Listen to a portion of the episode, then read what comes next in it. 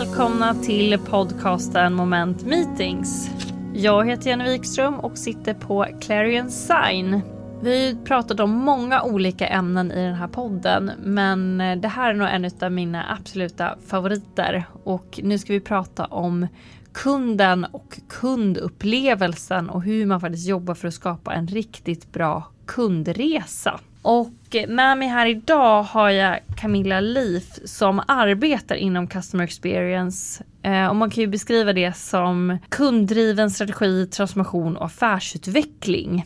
Eh, och Camilla är konsult i det egna bolaget This is Betty där hon konsultar, coachar, utbildar och föreläser. Camilla har erfarenhet från marknad, kund och CRM-strategi i stora bolag vilket hon kombinerar med design thinking och customer journey mapping. Så massa spännande delar. Så att eh, varmt välkommen till podden Camilla. Jättekul att ha dig med. Tack så mycket. Jättekul att få vara med.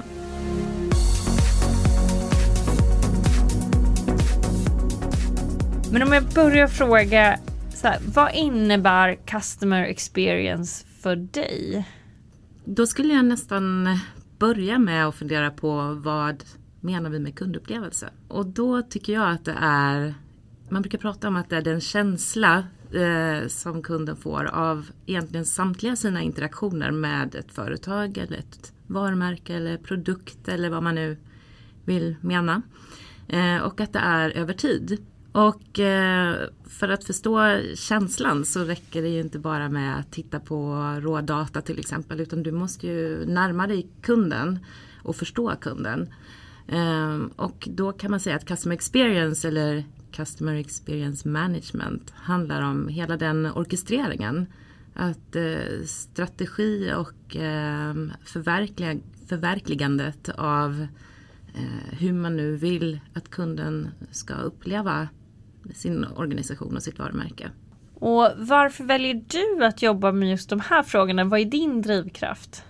Ja, eh, jag har nog alltid velat jobba med kunden som beslutsunderlag och tycker att det är utan, eh, utan kund ingen business brukar man ju säga. Mm. Och, eh, det är det allting handlar om, att förstå kunden för att kunna anpassa sig utifrån det. Vad har kunden för behov? Vad har kunden för beteende? Ehm, och eh, styra sin verksamhet utifrån, utifrån det utan att tappa fokus från affären för den är ju såklart också viktig.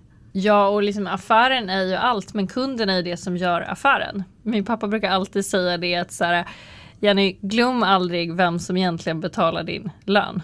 Mm. Eh, och det är ju kunden och det är därför vi gör liksom olika affärer för att vi vill få nöjda kunder och vi vill nå fram till kunderna och vi vill ju verkligen skapa den här fantastiska som du pratar om känslan och upplevelsen. Eh, så det är ju verkligen kärnan i allt. jag Men... kan nämna att tidigare så kom jag från eh, från mer marknads, ren marknadstänk och CRM vilket ju ofta är att eh, öka lönsamheten på befintlig kund. Eh, och det handlar mycket om kunddialog och kundkommunikation. Och man tänker ofta att det är att man löser mycket med hjälp av kommunikation. Men jag började känna att, att det finns ju ett större perspektiv att ta här som handlar om orkestreringen av hela kundens upplevelse. Oavsett om det är i marknad eller leverans och oavsett kanal. Och det är det som Customer Experience hanterar eh, som område. Och vad ser du egentligen liksom så här, de största skillnaderna däremellan? Eh, CRM och Customer Experience. Du var inne på det lite liksom. Men, mm. Och varför har du valt att jobba med mer kundupplevelse som helhet då istället för CRM-frågor? Mm. När jag jobbade med CRM, eh, det var ju kanske 20, vi pratar 2010 någonstans. Då upplevde jag att det fanns en del i min arbetsbeskrivning som var att eh, orkestrera eller att synka kanaler för kundens bästa upplevelse eller någonting sånt. Eh, och då jobbade jag i, på kundsidan helt enkelt i stora bolag, eh, mycket telekom. Och där eh, eh pratade man mycket kvartalsekonomi och att öka lönsamheten på kort sikt och så. Eh, så det var väldigt fokus på mer och korsförsäljning och sådana saker. Och det som handlar om den här orkestreringen var alltid nedprioriterat och i, i CRM-världen har man länge jobbat tvärfunktionellt eh, över flera olika funktioner och kanaler. Eh, men det fanns en, en, känsla av att det var inte så många andra som gjorde det kanske då. Så att eh, jag ville helt enkelt fokusera på den delen istället av min arbetsbeskrivning och bad om en roll att få göra det. Och då fick jag det och det var långt senare som jag insåg eh, att eller långt senare, men det var en tid senare som jag insåg att det finns ett arbetsområde som heter Customer Experience och det är faktiskt det jag jobbar med. Att se mer på helheten och inte bara mm. vad kommunikationen kan lösa. Och liksom få med hela flödet och hela känslan och hela upplevelsen. Ja.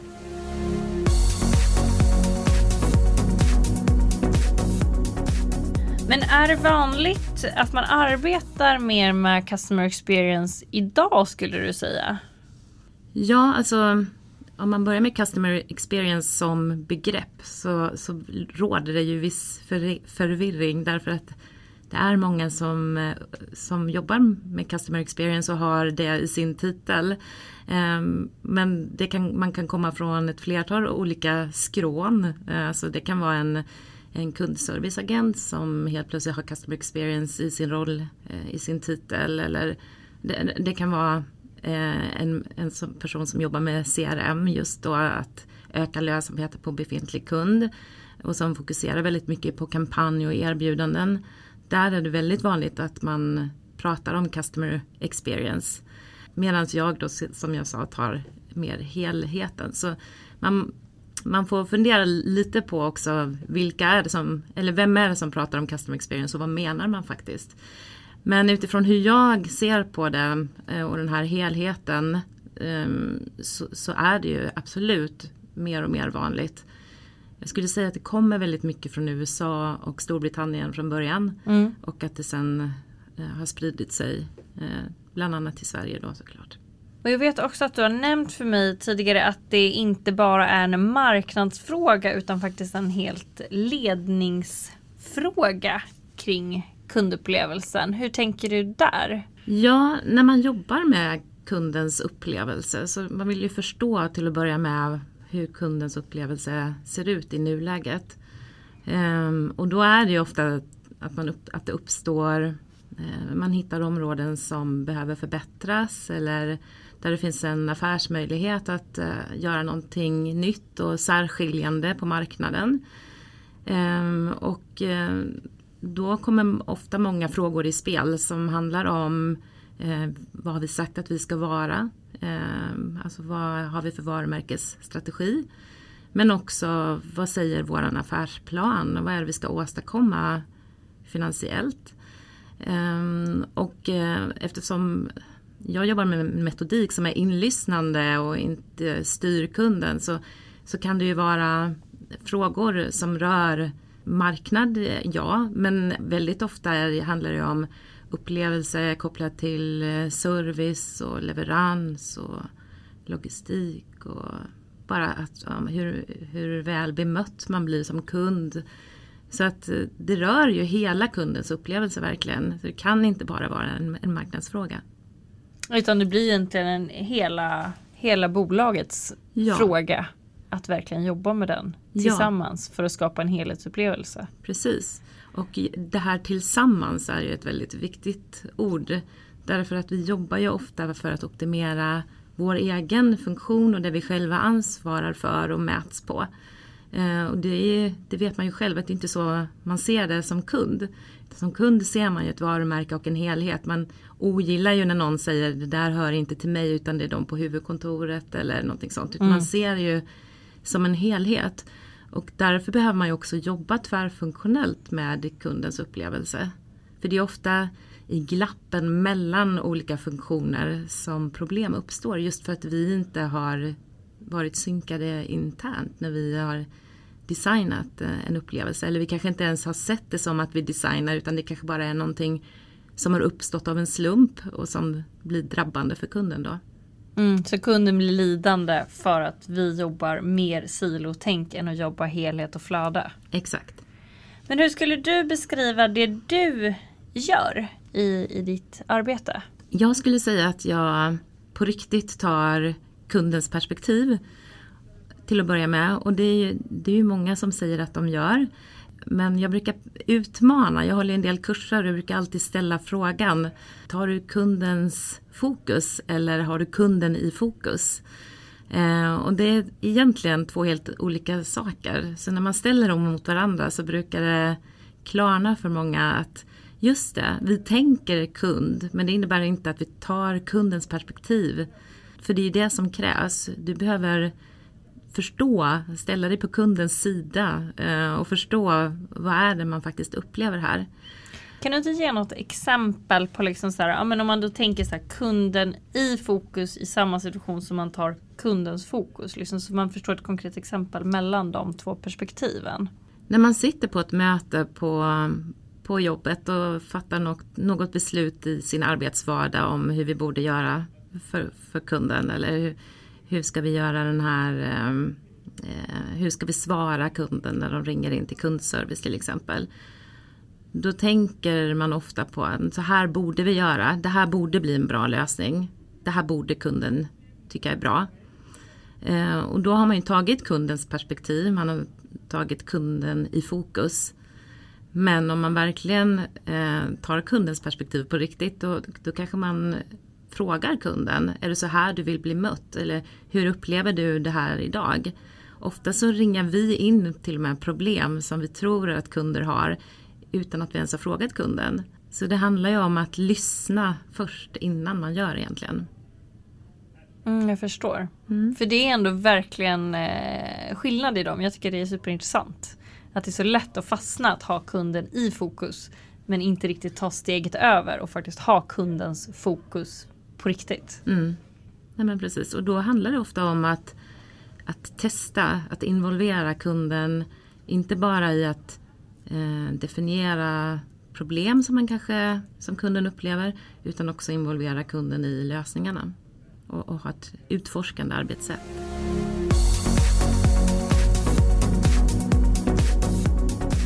Var ju lite inne på att du tittar, liksom, utgår från liksom så, men hur ser nuläget ut för kunden? Hur, hur gör du det?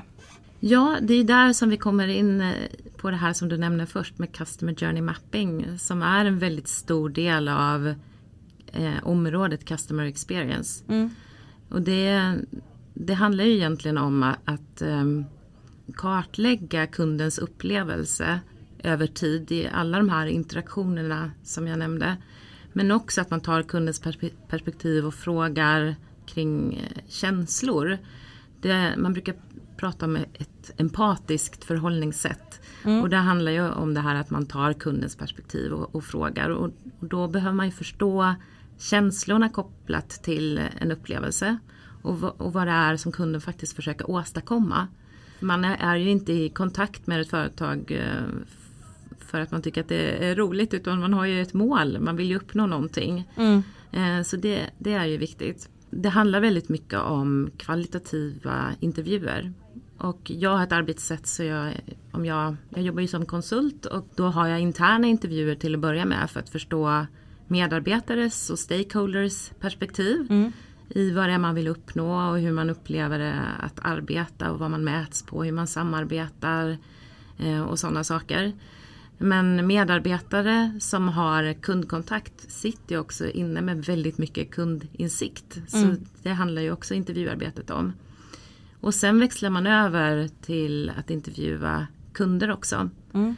Det behöver inte handla om så många intervjuer utan man får ofta någon slags mättnad i svaren och förstår att det här är ett problemområde och det här är ytterligare ett och här gör vi någonting väldigt bra och så vidare. Att man börjar se mönster. Och det som vi sammanställer det eh, kring då är just en kundresa. Och då handlar det om vilka faser kunden har, vilka, interak vilka interaktioner man har med företaget och i vilka kanaler och känslan kopplat till det. Så det blir en, en hel kundresa över från allra första början till slut så att säga. Och eh, det är inte så ofta som en organisation har gjort det tidigare. Man kanske har kartlagt vad gör vi när kunden gör det här men det är lite mer ett inifrån-tänk. Mm. Eh, då skickar vi ut en orderbekräftelse eller då skickar vi ut en faktura och så vidare. Här tar vi på riktigt kundens perspektiv allra först Och det är de insikterna sen som skapar ett tryck på förändring. Mm. Där vi kanske går ner och tittar om, om vi vill förändra det här. Hur ser våra processer ut i dagsläget och vad behöver vi ändra på för att förbättra för kund?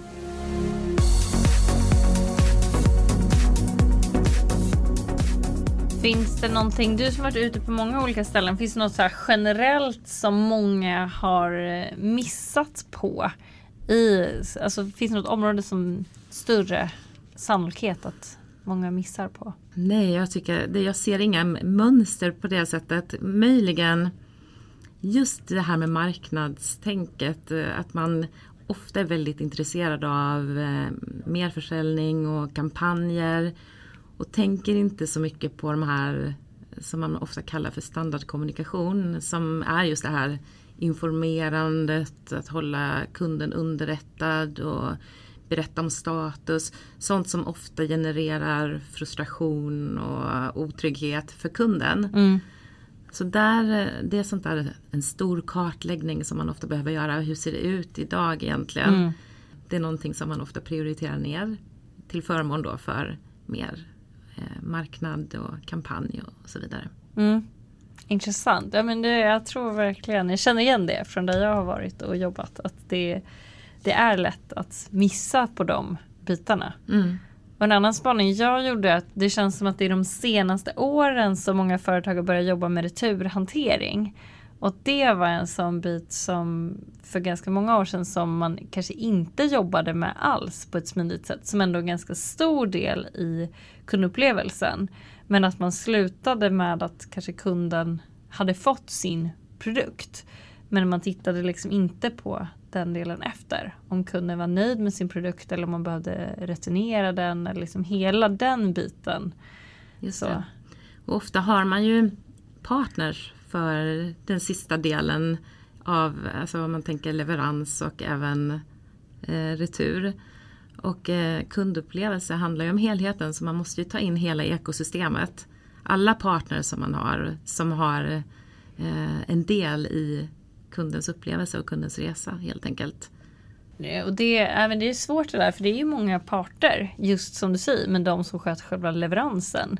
Det vet jag att något företag jag varit på just har döpt om sina, jag kommer inte ihåg exakt ordet, men sina chaufförer från att liksom benämna dem som chaufförer till att benämna dem som är så här leveransansvariga eller serviceansvariga mot kunden. För det är ju ofta det kundbemötandet som är så otroligt viktigt i Ja. det ögonblicket också just om man får hemleverans av någonting så är det ju det är den enda kanske fysiska person du kommer i kontakt med under hela din eh, kundresa. Mm. Ja, och det är ju ett steg att börja kalla det någonting annat men det är också fortsättningen som är viktig där. Mm. För ofta är man kanske som chaufför då, eh, eller vad man nu kallar rollen, under press. Mm. Man har väldigt mycket man ska åstadkomma, många leveranser på kort tid. Och då måste man ju öppna upp för att saker och ting kan ta längre tid. Eh, för att det lönar sig i det långa loppet. Att man har, ett, man har tid att ge ett annat bemötande. Eh, och vara mer den här serviceinriktade chauffören. Eh, så att det, det är en del av det jag jobbar med. Att man kan inte bara döpa om någonting utan man måste förstå vad ska vi göra annorlunda.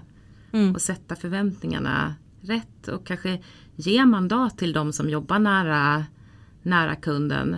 Eh, I att man beskriver vad är, det, vad är det vi vill att kunden ska känna när de är i kontakt med oss. Och då kan man lättare agera utifrån det som enskild medarbetare. Mm, verkligen, och då kommer vi in på det du var inne på förut, just att det är en ganska strategisk fråga, liksom hela kundupplevelsen, att det är så många det berör och att man behöver sätta sin strategi, eh, hur man vill att kunden ska känna jämfört med, ja men ska det vara fokusera på effektivitet eller är det liksom service som vi vill förknippa vårt varumärke med? Mm. Och det är ju någonting som får ringar på vattnet eller som bör få ringar på vattnet i hur vi pratar internt. Vad är det vi firar och belönar? Vad har vi för nyckeltal som vi följer? Ehm, hur pratar vi om kunden internt? Och där har ju ledningen en ett väldigt stort ansvar. att, eh, att man brukar prata om att man ska leva som man lär och walk the talk pratar man också om. Så det är viktigt att man inte bara säger att kunden är viktig för det står ju oftast i strategiska dokument och årsredovisningar och mm. vad det nu kan vara. I år är det kundens år kan man säga vilket jag är rätt road av med tanke på att jag tycker att det är det alla år. Men eh, man måste också fundera på um, vad innebär det för oss att vi, att vi har det här eh, ska ha det här kundcentriska förhållningssättet. Hur ska vi som ledningsgrupp visa att vi menar allvar med det? Och en del är ju att man kanske ofta um, pratar om nya affärer. Det är det som är viktigt. Men det behöver ske en balans där. Att, att man pratar även om befintliga kunder och vad man åstadkommer där. Verkligen.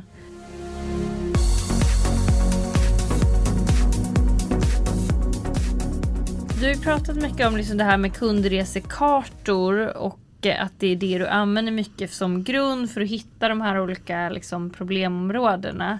Har du några exempel på vad det arbetet har gett?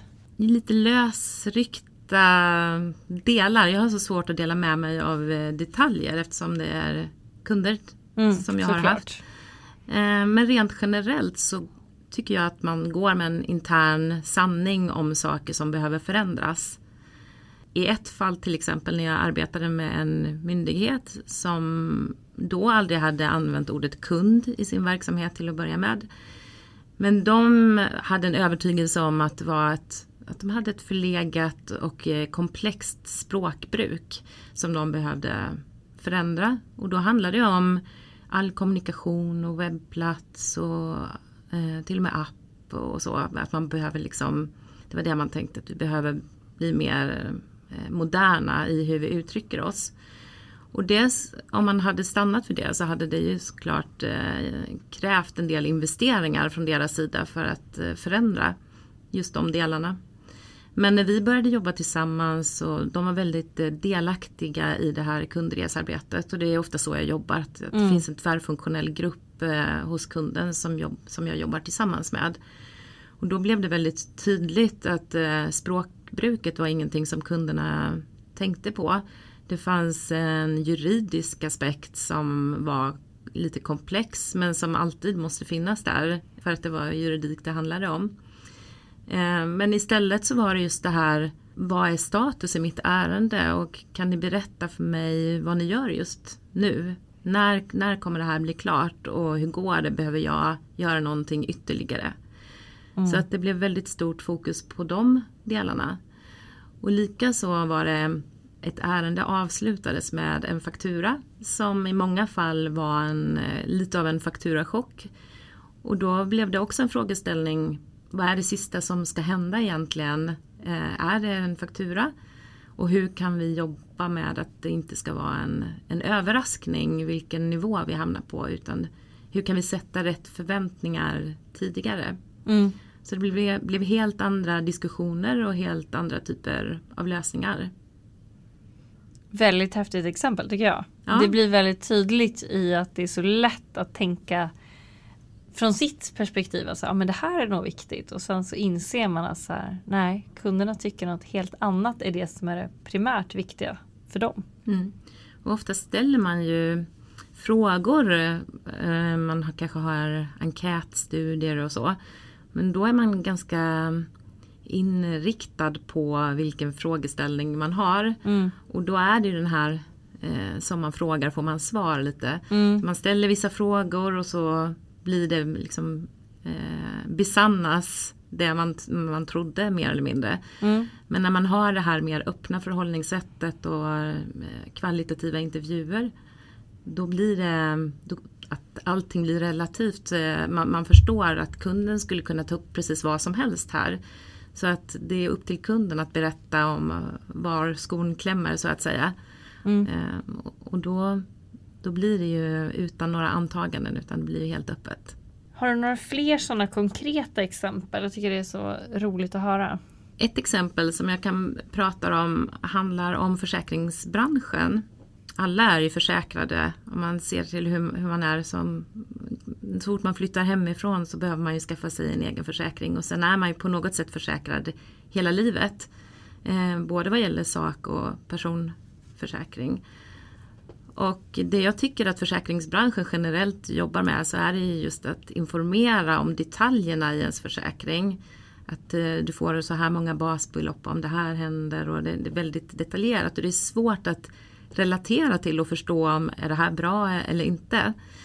Och ibland så vill man ha någon slags rådgivning och då är ofta eh, rådgivarna väldigt försiktiga med att, eh, att ge de här konkreta råden utan man är väldigt rädd för att ge för tydliga råd för att någonting ska bli fel och att man inte ska kunna komma i efterhand och säga men den personen sa att jag skulle göra så här. Och det vi märkte i en intervjustudie då, jag och en kollega tillsammans med den här organisationen i försäkringsbranschen. Vi märkte att det handlar väldigt mycket om att många människor går omkring med en skam och ett dåligt samvete över att man inte har koll på sina försäkringar. Och det är ingen som riktigt tar det greppet om, om just den frågan. Egentligen vill man bara ha en eh, okej-stämpel på att ja, vad har hänt sen sist? Inga nya barn och ingen flytt och men jag har bytt jobb. Okej, vad innebär det? Ska jag se över någon mer del? Mm. Eller nej, det behöver jag inte. Okej, då, då får jag en okej okay stämpel så kan jag ta en ny dialog om ett år kanske. Mm. Så den här skammen och skulden över att inte ha koll. Det är någonting som jag ser som en otrolig potential inom försäkringsbranschen. Ja, det kan jag verkligen förstå när du säger det. Det är mm. jätteintressant och jag tror att det finns fler sådana delar i fler företag. Just att det finns sådana delar eh, tänk att det är lika mycket med så pension som försäkringar. Sånt som man känner så här, men det här borde jag faktiskt ha koll på. För mm. det är ju så viktigt. Men det finns många dåliga har... samveten där ja. ute. finns det och då gäller det liksom att hitta ett rätt, rätt bemötande till människor för att man ska faktiskt få den hjälpen man behöver mm. i det.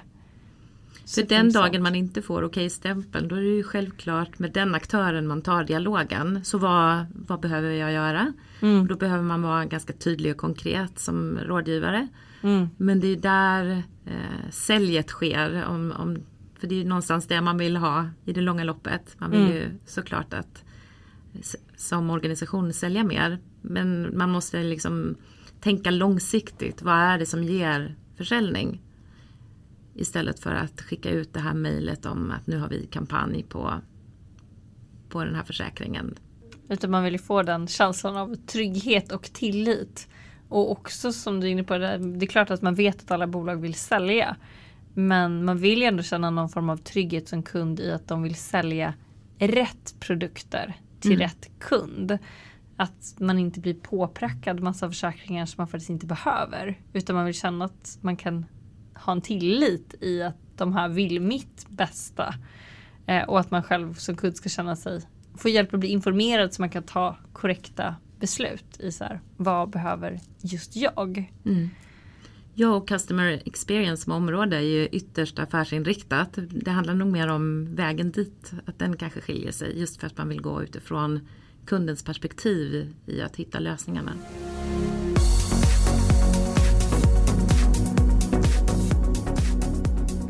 Hur tänker du att man ska gå tillväga om man har gjort en liksom, kundresekarta? Liksom så här, hur tar man bäst nästa steg därefter? Ja, eh, arbetet har ju skett eh, tvärfunktionellt. Eh, I alla fall om jag har jobbat med det. Och eh, då står man där med en, en kundresekarta som är sammanställd och den är ju sig en research output. Eh, och där finns ju även kvantitativ data, det är inte bara kvalitativ. Um, så jag har inte på något sätt valt sida. Det gör många tycker jag. Jag är mer en kvall-person eller jag är mer en kvant-person. Men jag jobbar med både kvalitativ och kvantitativ data. Mm. Man står med en kundresekarta med insikter om ett nuläge. Och då kommer ju en rad följdfrågor. Dels vill man presentera den i organisationen och kanske för en ledningsgrupp och så vidare. Men även den här arbetsgruppen börjar ju jobba vidare med okej okay, utifrån vad vi har lärt oss, vi har jobbat nära kunderna, vi har lärt känna olika problem. vilket ser vi är mest kritiskt att, eh, att jobba med. Och eh, ibland kan det ju vara att vi, vi behöver förändra någonting direkt ut mot kund. Men det kan också vara att vi behöver se över, skaffa ett mätprogram om hur vi ska följa kunden eh, över tid. Och vi kommer ju in i strategiska frågeställningar. Vad är det vi vill uppnå? Mm. Eh, vi kan prata om att man, man utformar en kundstrategi. Alltså vad är det kunden ska uppleva mm. utifrån vår varumärkesstrategi. Eh, men också att man prioriterar utifrån vad man vill med affären just, just då. Eh, man kanske har en affärsutmaning som handlar om för höga kostnader eller eh, att man behöver öka intäkter eller vad det nu kan vara. Ehm, och de här frågeställningarna är såklart kopplade till en ledningsgrupp.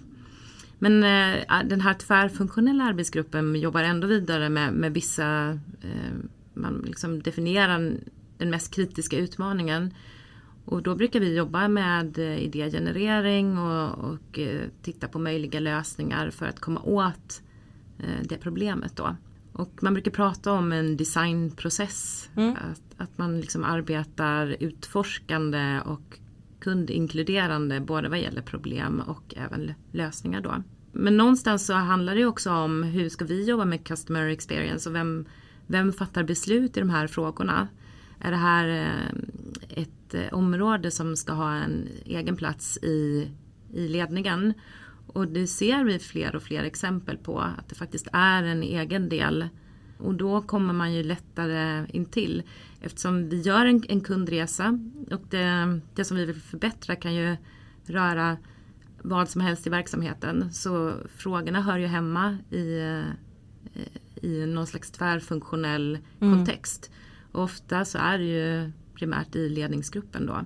Vad har varit dina liksom så största insikter och lärdomar under den tiden som du har jobbat med det här eh, området? Eh, rent generellt skulle jag säga att, eh, att man eh, inte har så god självinsikt kanske. Man tror att man jobbar kundcentrerat och mer eh, kundnära än vad man faktiskt gör. Därför att det är eh, hård press tidsmässigt eh, och eh, eh, att man inte jobbar kundcentrerat helt enkelt som gör att man liksom tappar fokus och vill förbättra affären på kort sikt. Och det kan istället ske på bekostnad av kunden just för att man inte är tvärfunktionell i sitt angreppssätt. Alla vill ju kunden väl i en organisation men mm. har man inte helhetsbilden så blir det ofta problem. Och, och, det är väl det här, inte ha självinsikten och att man inte jobbar tvärfunktionellt som är eh, de st största insikterna för mig. Och vad skulle du skicka med för bästa tips till eh, våra lyssnare om de vill komma igång och jobba liksom mer utifrån ja, men kundens fokus och jobba mer med, med kundupplevelsen? Många har ju faktiskt aldrig träffat en kund. Det är lite läskigt att ta kontakt med en kund. Så att sänka ribban och helt enkelt våga ta kontakt med kunder och ställa frågor om hur upplevelsen är. Och det behöver inte vara att man ska lösa eventuella problem i den intervjun utan det handlar ju mer om att, att lära sig vad problemen är. Det, det, är mitt första råd och största råd. Och jag tycker um, att det ska utmynna i ett kundresarbete därför att det är så otroligt kraftfullt. Men att man, när man står inför en osäkerhet, att man bara börjar någonstans och vänder till era kunder. De, de vill berätta. De kanske inte vill eh, svara på någon eh, enkät, men om de får frågan att delta i en intervju att, och att eh, liksom få berätta själva, då är det mycket lättare att rekrytera, är min upplevelse. Så börja mm. bara ställa frågor till kunderna. Superbra tips. Ja, Ja, men jag tror vi avslutar där med det fantastiska tipset. Och eh, avslutningsvis har vi idag pratat om customer experience, hela kundupplevelsen och hur man kan jobba med kundresekartor för att verkligen komma i kontakt med sina kunder och se vad man faktiskt ska strategiskt förbättra.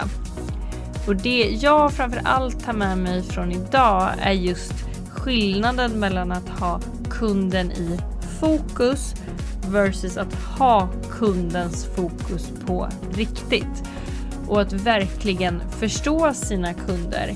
Inte bara siffermässigt utan faktiskt så här, hur känner våra kunder och hur upplever de våran tjänst, vårt varumärke, våran produkt. Så jag hoppas att ni också har fått fantastiska insikter från idag.